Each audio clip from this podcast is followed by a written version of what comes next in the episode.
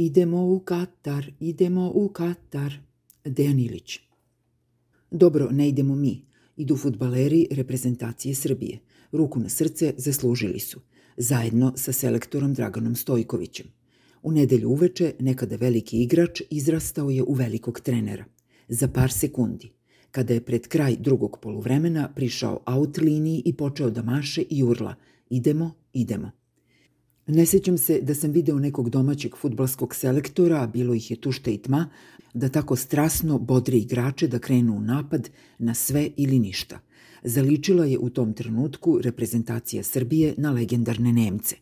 To znamo, Nemci igraju do poslednje sekunde i pobeđuju i kada gube do te poslednje sekunde. Sinoć je futbalska Srbija postala futbalska Nemačka ili rečima Vučića domaći futbaleri su dostigli nemački takmičarski standard.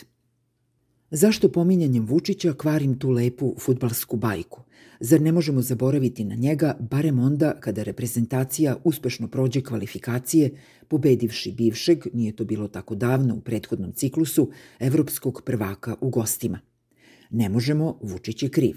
Zagorčao je pobedu obećanjem od milion evra i tih milion evra ekspresno je posle pobede već u ponedeljak uplaćeno na račun domaćeg futbalskog saveza.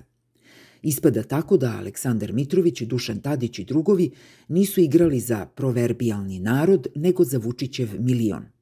Mi znamo, verujemo da nije tako, da je tim momcima sve vreme samo narod bio na srcu.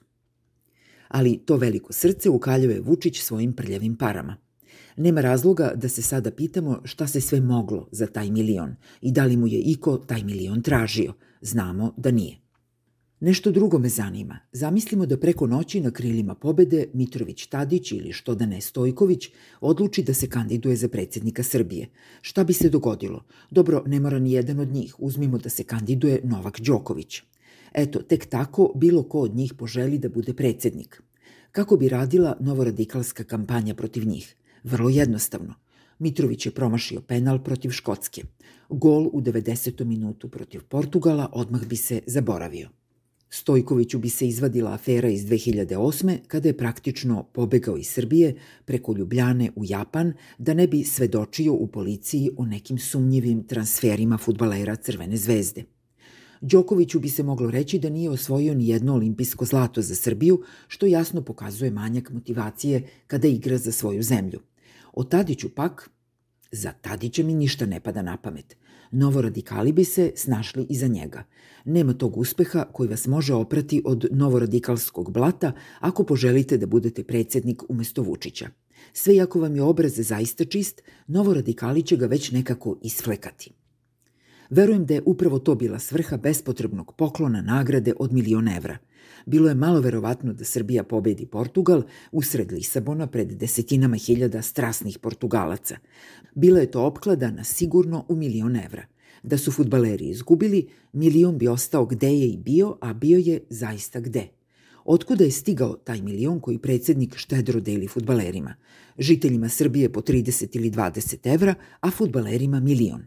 Pa dobro, malo koji žitelj Srbije može futbal da udari glavom kao Mitrović.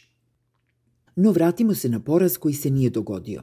Dakle, milion bi ostao negde, a iz redove reprezentacije niko ne bi mogao kao predsednički protiv kandidat da parira Vučiću. Ali tišti taj mali postotak verovatnoće koji se na kraju pretvorio u zaista veliku pobedu futbalera Srbije. Izrasli su preko noći u heroje nacije. To je opasno po Vučića. Tako razmišlja Vučić. Pa se kladi na sigurno. Ako izgube, kalkuliša on, milion ostaje meni – Ako pobede, uvek ću moći da ih ispreljam tim milionom i kažem da su kao plaćenici, igrali za novac, a ne za narod.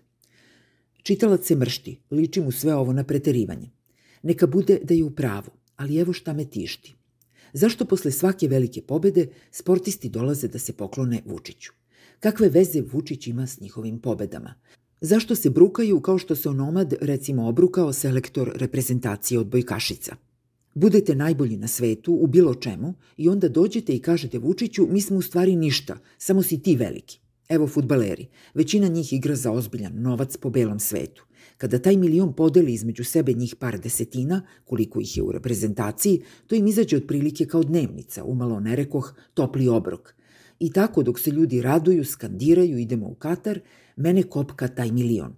Zašto je Vučić morao i tu malo verovatnu sreću koja se eto ipak desila da nam zagorča?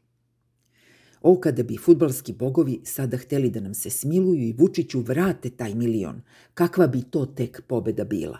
Neće se desiti. Taj gol nećemo videti, iako im se sve namestilo na penal. Post skriptum. Futbaleri su me demantovali i obradovali. Tekst sam završio i poslao juče popodne. Sinoć je stigla vest da su futbaleri Vučićev milion dali u humanitarne svrhe za lečenje bolesne dece. Kraj teksta svedoči o pesimizmu koji me obuzeo. Rekao bih da je taj pesimizam prilično čvrsto utemeljen u lošoj ovdašnjoj svakodnevici. Futbaleri su odskočili. Kvalifikovali su se ne samo kao reprezentacija, nego i kao ljudi od integriteta. Posumnjao sam u njih. Raduje me što sam pogrešio.